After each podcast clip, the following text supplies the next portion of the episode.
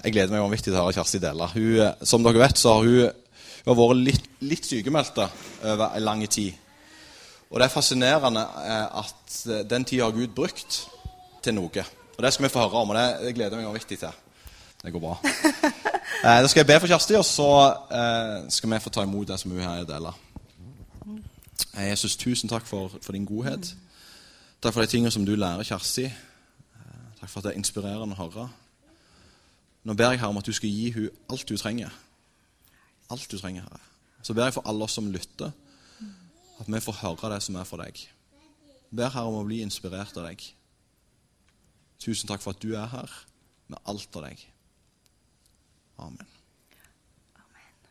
Da var favorittsøndagen min kommet, der jeg skal få lov til å tale. Det skjønte sikkert at det var ikke helt sant, men eh, så er det jo sånn at eh, selv om det ikke er drømmen for meg å stå her og undervise, så har jeg lyst til å dele når jeg opplever at Gud har lagt meg noe på hjertet. Da blir det ofte litt personlig, og for ei som har følelsene på utsida, så skal ikke du se vekk ifra at det kommer en tåre eller to òg. Men det får vi ta, og ikke bli skremt av det. Dette semesteret så har vi ekstra fokus på bønn her i kirka. Og det liker jeg veldig, veldig godt. Jeg vet ikke hvordan det er med deg, og hva forhold du har til, eh, til bønn. Men jeg håper at i løpet av denne talen her så kanskje du får litt tid til å reflektere litt. Og få litt inspirasjon til å gå litt lenger inn i den skatten som vi har tilgjengelig.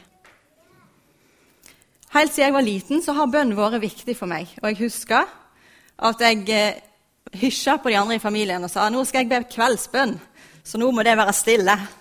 Jeg vet ikke om det var like mye til deg som det var til Gud, men eh, jeg ville iallfall at de skulle være stille, og ville at nå skulle, nå skulle jeg bes. Og Jeg husker at jeg alltid måtte be om at jeg skulle få sove godt. Og jeg måtte alltid be om at Gud måtte huske å vekke meg neste morgen. For jeg syntes det var litt sånn halvskummelt å bare overgi til han om han skulle tolke om jeg ville sove inn for godt og komme til himmelen, eller om jeg ville våkne neste morgen. Så det var en viktig del. La meg få sove godt, og husk å vekke meg i morgen tidlig. Jeg syns det var litt skummelt, dette her med himmel. Jeg syns det er fantastisk å be i lag med ungene. Da kommer det mye forskjellig og veldig mye fint, syns jeg. Og en ting som jeg liker veldig godt når vi ber i lag med unger, det er at de er så konkrete. De er enkle, og de er rett på sak. Det kan være 'Kjære Gud, takk for godteri'. Eller 'Kjære Gud, takk for at eh, du kan gjøre den og den frisk'. Kjære Gud, gjør mamma sine foter frisk. Sånn har vi bedt mye siste tida hos oss. Og Det som jeg syns er veldig fint med unger, det er at du ser at de, de har et behov. De har full tillit til at Jesus kan hjelpe. Så jeg bare sier det rett sånn som det er. Jeg sier det til han. Det er veldig fint å se hvordan de inviterer Gud inn i sin verden. Det som de er opptatt av. Der inviterer de han inn. Tillitsfullt og fint. For det er jo nettopp det bønn handler om. Å invitere Gud inn i det som vi står i. Det du er opptatt av, det som du drømmer om, det som du lengter etter. De folkene som du bryr deg om, de behovene du ser. Bønn det er å invitere Gud inn til å ta del i ditt liv. Og jeg tror at bønnelivet vårt skal være i utvikling og modning. Akkurat sånn som med trua vår. I første kor 13.11 så kan vi lese at når jeg var et barn, talte jeg som et barn, tenkte jeg som et barn. Men når jeg ble voksen, osv. Truslivet vårt skal få modnast. Og jeg tror òg at bønnelivet vårt skal modnes. Det er naturlig at disse to, både trusliv og bønneliv, modnes samtidig. Men så er jeg usikker på om det alltid er praksisen. Men jeg tror det er viktig å være klar over at bønnelivet òg skal modnes. Og åndelig modning Kanskje åndelig modning blir hindra pga. at bønnelivet fremdeles er som et barn. Det kan være lett å tenke at bønn er for spesielle folk. lett å tenke at det er ikke noe for meg. Jeg klarer ikke å konsentrere meg, tankene flyr, finner ikke ord osv. osv. Men jeg har lyst til å si til dere alle her inne i dag at bønn, det er nettopp for deg. Så hører jeg ofte at folk eh, kan beskrive noen som at oh, det er ei god bønnedame. Og det er et skikkelig kompliment. Så hører jeg ikke fullt så ofte at noen beskriver noen som at oh, det er en god bønnemann. Det skulle jeg likt og hørt oftere. En oppfordring. Ei god bønnedame som jeg har fått leve nær, det var bestemora mi. Jeg var så heldig å få bo i nei, loftetasjen hos bestemor fram til jeg var seks år. Og Da var jeg ofte nede i stua hennes. Der var det åpen dør. Bestemor hun hadde en god stol framfor vinduet. Stort vindu. Ved sida av så lå en særdeles godt brukt bibel. Og der satt hun fast. Hun var bondekona, så hun var ute og jobba, og så satt hun inne og hvilte. Der satt hun fast og så utover bygda. Huset det var på toppen av bygda, så hun så utover. Der satt hun med Bibelen ved siden av og folda hender. Jeg tenkte ikke så mye over det da, når jeg var der som lita jente. Men i ettertid så har jeg tenkt at selvfølgelig så satt hun der og ba for bygda. Det er ikke rart at det så godt, var så godt å være i den stua, for det var det helt spesielt. Hun ba for bygda, for storfamilien, for mange som ikke kom til tru ennå. Hun var ei god bønnedame, og det merkes på omgivelsene hennes. Mange av oss er heldige som har hatt ei bestemor eller noen i familien som har gått før oss og bedt. Og jeg tror ikke at vi aner hvor stor en velsignelse vi har fått av de som har gått før oss. Nå er det vår tur til å ta denne oppgaven. Noen her inne har rekt å bli besteforeldre. En god del har rekt å bli foreldre. Nå er det vår tur til å kjempe i bønn for vår familie, vår generasjon, de som kommer etter.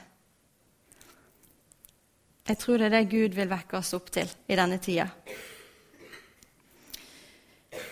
I flere år egentlig, så har jeg kjent at Gud han har kalt meg til å bruke mer tid i lag med han. I ungdomsårene så brukte jeg mye tid i bønn, så jeg visste at jeg har en del å gå på for å være der. Og jeg kjente også på et savn av å ikke ha den samme nærheten til Gud som jeg hadde hatt. I denne tida så hadde jeg ei bønnebok, og de siste årene så har det vært en av de tingene som jeg merker at Gud har pirka litt borti. Du må ta fram igjen bønneboka, eller du må få lagt deg en ny bønnebok. Men så er det jo mange ting, så det ble aldri. Og når eh, jeg endelig setter meg ned, så var det mange andre ting som frista òg. Så det ble liksom liggende baki her. Og som Thomas sa, og som mange av dere vet, så har jeg hatt et trøblete helsemessig år.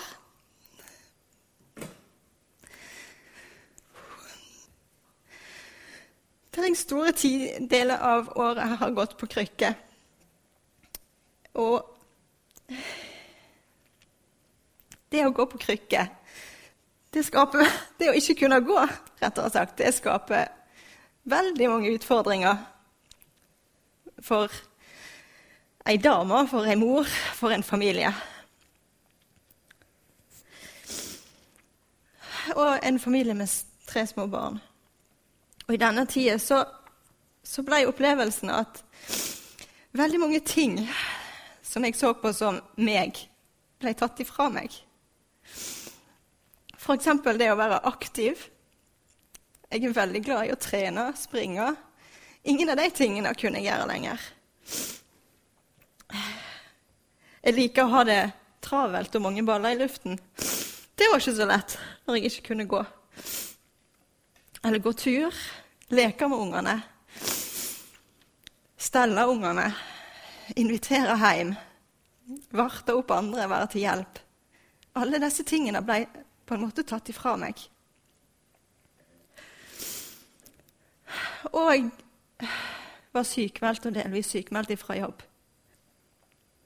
Jeg må lære meg å ta med den der eh, tørkekluten opp. jeg er ikke så god til det.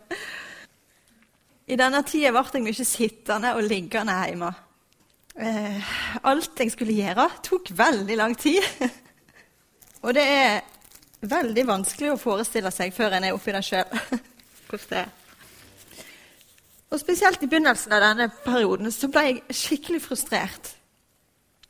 Det var ikke så lenge før jeg hadde begynt i denne jobben. Jeg opplevde at Gud hadde satt meg her. Og så blir det sånn ah, Hva er vitsen?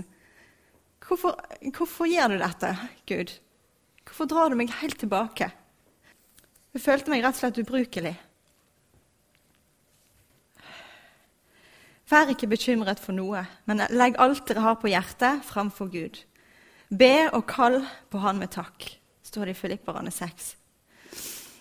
Så kom tankene igjen, og jeg er ganske sikker på at det var fra Gud denne gangen òg.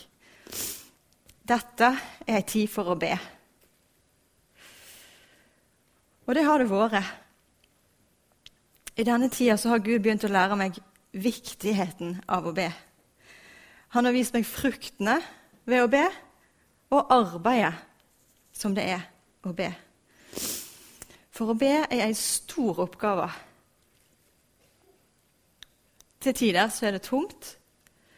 Til tider så er det sånn at ordene bare renner ut. Du har mye på hjertet, og det er mye du kan si, og det oppleves veldig godt. Til tider er det stille, og det er mye tid til å lytte.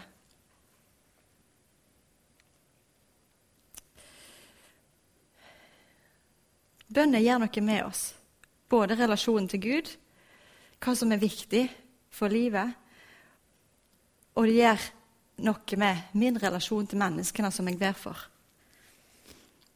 Jeg merker at jeg er glad i folk som jeg egentlig ikke kjenner, men jeg ber for dem. Og Derfor er jeg så glad i dem og blir så glad når jeg, når jeg treffer dem. Mye av min unnskyldning og kanskje litt frustrasjon tidligere har vært at dersom jeg først setter meg ned og bruker tid i bønn, så er det så mange ting jeg vil be for, at jeg har bare så vidt begynt før jeg må videre til noe annet. Jeg rekker liksom ikke over det. Og da har følelsen blitt at eh, jeg mister motet før jeg egentlig har begynt. Jeg er klar over at det var en god unnskyldning. For meg som er en systematiker, så har eh, bønneboka blitt en god løsning på dette. Og jeg tipper det er sikkert flere enn meg som er, er glad i system og, og, setter ting i system. Derfor så deler jeg litt konkret rundt det. Bønneboka mi er delt inn for sju dager. Én dag i hver av ukedagene. Da er det seks dager fylt med bønneemner, og én dag der det bare er til stillhet og lytte. Det som ble veldig bra for meg med å, å få skrevet bønneemnene ned, det var at da da jeg, vet jeg at jeg får dekke alt som jeg ønsker å be for. Jeg har noen ting som jeg ber for alle dagene. Jeg har noen ting som jeg ber for én dag i uka.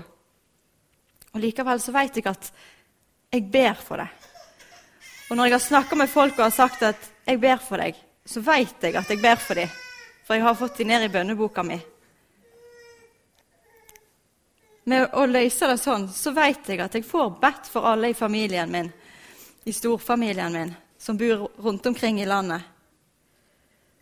Jeg vet at jeg får bedt for naboer, for tidligere kollegaer som ikke kom til tro ennå, for kirka mi, alle dere som er her inne, for landet vårt, for utfordringer i verden, for åndelig modning, for personlige ting.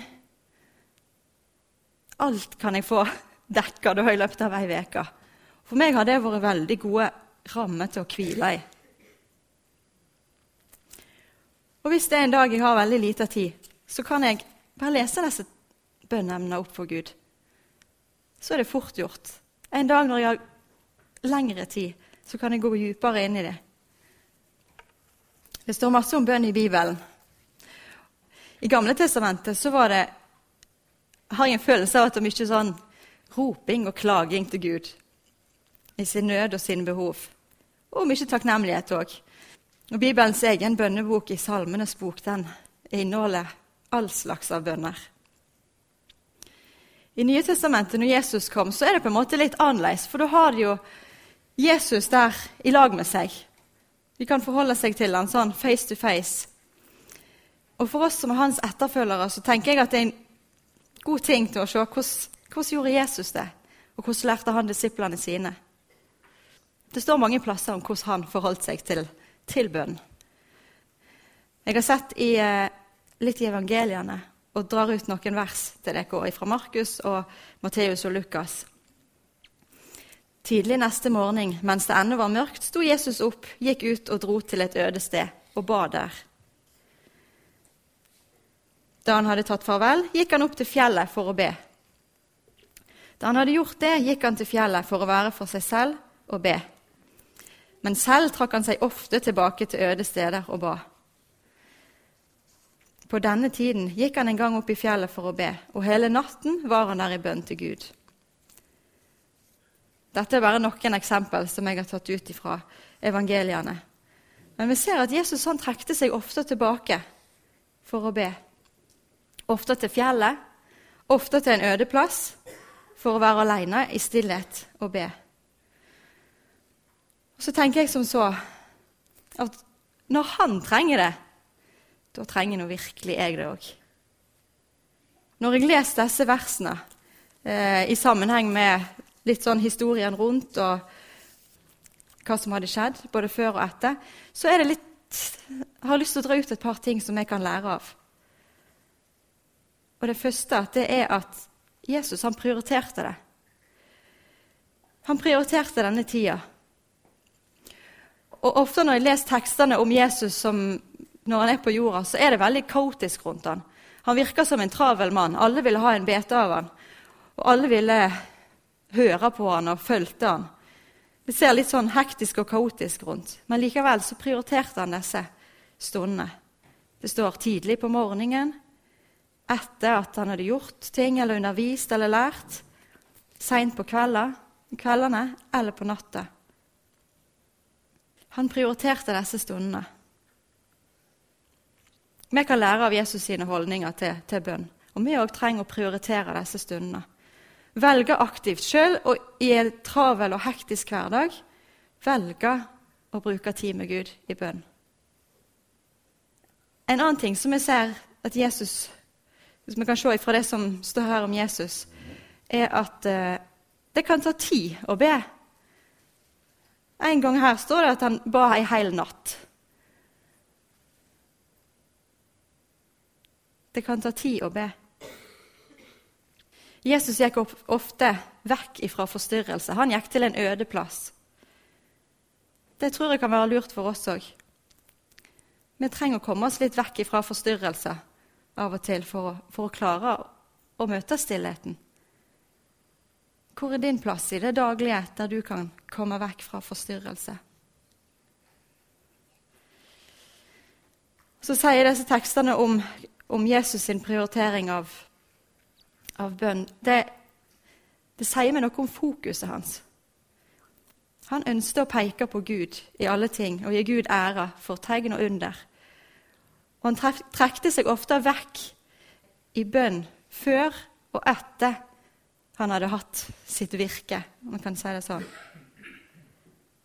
Han trekte seg vekk, ga, ga Gud ære Bønn kan være med å gi oss fokus på livet, gi oss ny kraft, gi Gud ære for det som han skal ha ære for. Og så virker det som at dette er en, på en måte en ladestasjon for Jesus. Han trengte til stadighet å komme seg til en øde plass og være i lag med Gud. Bli preget av Gud. Være i stillhet for Gud for å gjennomføre det oppdraget som Gud hadde satt han til. Trenger du det for å leve i oppdraget som Gud har sagt deg til? Disiplene som gikk i lag med Jesus, de kjente han. De så at han trekte seg tilbake for å be, og de ønsket å lære av han. Så de sa til han, 'Herre, hvordan skal vi be?' I Matteus 6, kapittel, eh, kapittel 6 og vers 6 og utover, så skal vi se litt på det. For deg som har Bibel, så kan du følge med derifra. Jesus lærer de at når du, når du ber, skal du gå inn i ditt rom og lukke døren og be til din far som er i det skjulte. Og din far som er i det skjulte, skal lønne deg. Dette syns jeg er nydelige vers. Her er det ingen prestasjon. Her er det ingen ytre krav, ingen menneskefrykt. Kun det ekte og nære med et løfte om en belønning i det skjulte. Og Det er en belønning som ikke vi menneskene kan se fra utsida, men en belønning som begynner fra innsida, som stråler ut. Så lærer Jesus deg at det å be det er ikke å ramse opp en masse med ord. For vi har en far som veit hva vi trenger allerede før vi har bedt han om det. Det er ikke opp til mine velformulerende eller mindre velformulerende setninger. Det er ikke opp til meg om jeg glemmer noe. Bønn det handler ikke om prestasjon. Det handler om tillit i relasjonen til Gud. Gud ser til hjertet. Det ytre blir gjennomskua. Bønna er personlig, og det er ingen opptreden. Videre så kommer Jesus med en mal for bønnelivet. Den mest kjente bønna som vi har bedt her allerede i dag, Herrens bønn, eller Fader vår. Bønnene i Herrens bønn de kan hjelpe oss til å få tak i det som vi trenger å be om, og det som vi skal be om. Hver enkelt bønn rommer veldig, veldig mye. De er korte og presise, men de gir òg muligheten til å gå dypere inn i dem. Vår Far i himmelen. Sånn begynner han. Vi kan henvende oss til Gud som far. Det er nært, det er tillitsfullt og med en enorm kjærlighet og omsorg for oss. Det er som å si, 'Far, jeg vil være med deg.' Vår Far i himmelen, han rommer alt en kan drømme om av en far, og enda mer til. Han er i en annen dimensjon. Han er i himmelen, og han er i det skjulte. Der begynner bønnen vår. Vent til himmelen og i det skjulte, der far er. La ditt navn helliges. Guds navn det er ikke til å tulle med. Det er hellig. Og Guds navn det sier noe om hvem han er. Det sier noe om hans karakter. Han er skaper. Han er opprettholder av alt liv. Han forsørger. Han er allmektig. Han er på alle plasser til samme tid. Ved å be 'la ditt navn holdes hellig' så ber vi om at hans karakter skal bli sannhet i vårt miljø. At hans karakter er sant og levende i mitt liv og gjennom meg. La ditt rike komme. Veldig ofte så vet jeg ikke hva jeg skal be om i forskjellige situasjoner. Guds rike det kjennetegnes av alt som er godt, rett og perfekt. Det som er av glede, fred og liv. Det er bare godt i Guds rike. Der er det vekst og framgang. Dette kan jeg få lov til å be inn i alle ting og situasjoner.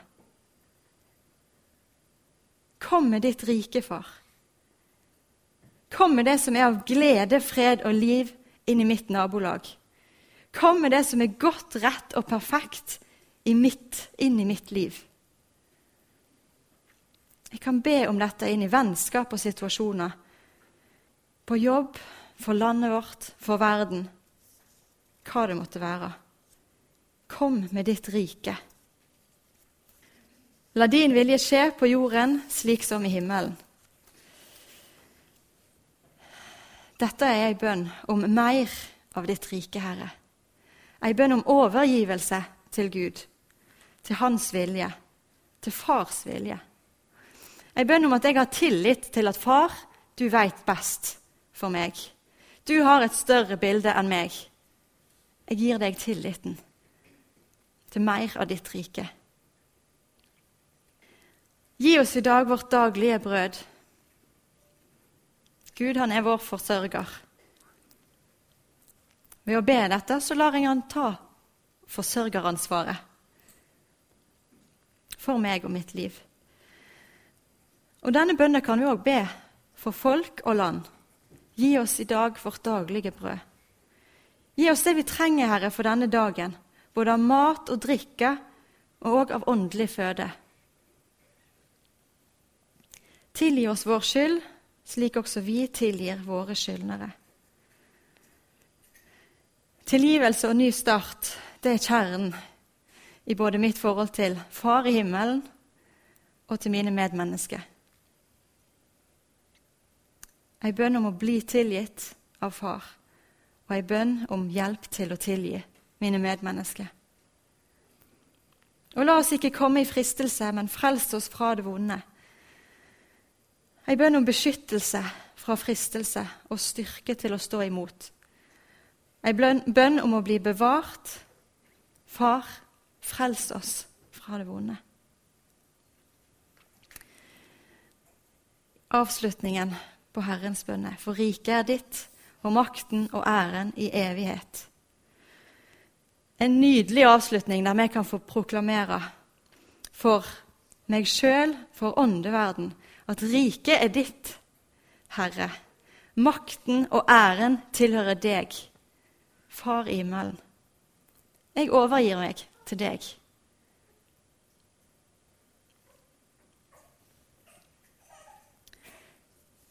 Tipper jeg kjenner denne bønnen godt, og den rommer som sagt veldig mye. Den er kort og konkret, men samtidig inneholder den livet. Og så skal vi òg med stor frimodighet få lov til å legge alt vi har på hjertet, framfor Gud i bønn. I fri bønn. Det er veldig mange løfter knytta til bønn i Bibelen. Et løfte om at når vi ber, så hører Gud. Et løfte om at Han svarer, og at det allerede er gitt oss, det som vi ber om. Et løfte om at han er til stede der folk er samla og ber. Et løfte om fred som overgår all forstand til de som ber. Jeg klarer ikke å komme på noe som er mer tilgjengelig enn bønn. For bønn det kan skje hvor tid som helst. Det er ikke avhengig av tid og sted. Det er ikke avhengig av eh, dekning eller batteri. Det er ikke avhengig av personer eller forberedelser. Det er alltid tilgjengelig. Bønn er en skatt som er å finne i det skjulte. Og dersom vi ikke leter eller benytter oss av den, så er han ikke å finne. Ei heller belønningen. Det er en berikelse og retningsgivende for livet å bruke tid i bønn. Jeg tror at vi trenger å leve og prioritere denne tette, nære farsrelasjonen hvis han skal få lov til å lede oss. Både liv, vårt liv og kirka vår. Jeg tror at vi trenger å ta vårt ansvar i bønn for folket som besteforeldregenerasjonen har vært gode til å gjøre før oss. Vi trenger å ta vårt ansvar for å be for land, for de unådde, for verden. Og vi trenger å være på lading i Guds nærhet, få lytte og få legge ned det som vi har på hjertet. Vi trenger å møte Gud i det skjulte.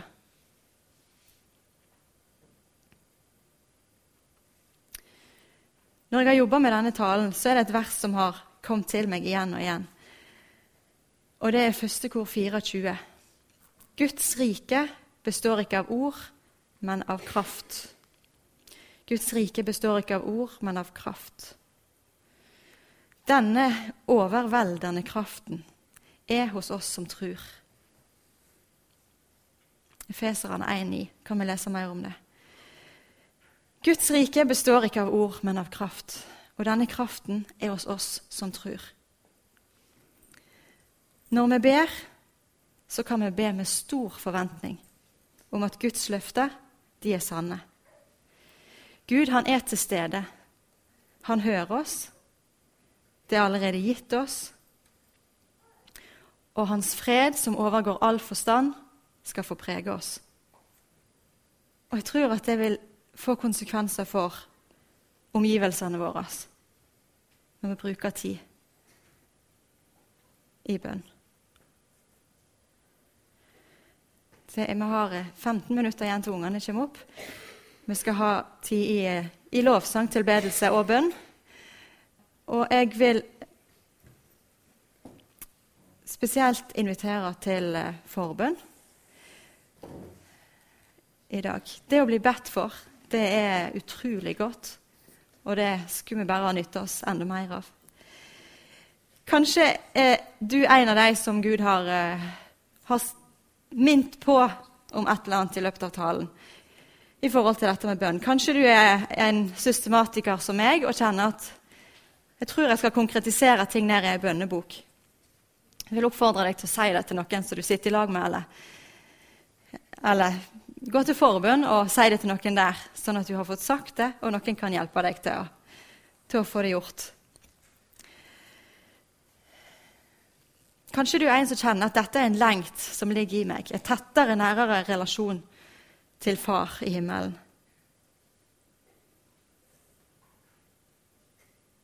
Eller du kjenner at her har jeg mye å gå på. Så har jeg lyst til å invitere dere til å ta et steg i dag, som Kristian òg sa. Ta et steg for å komme et steg nærmere.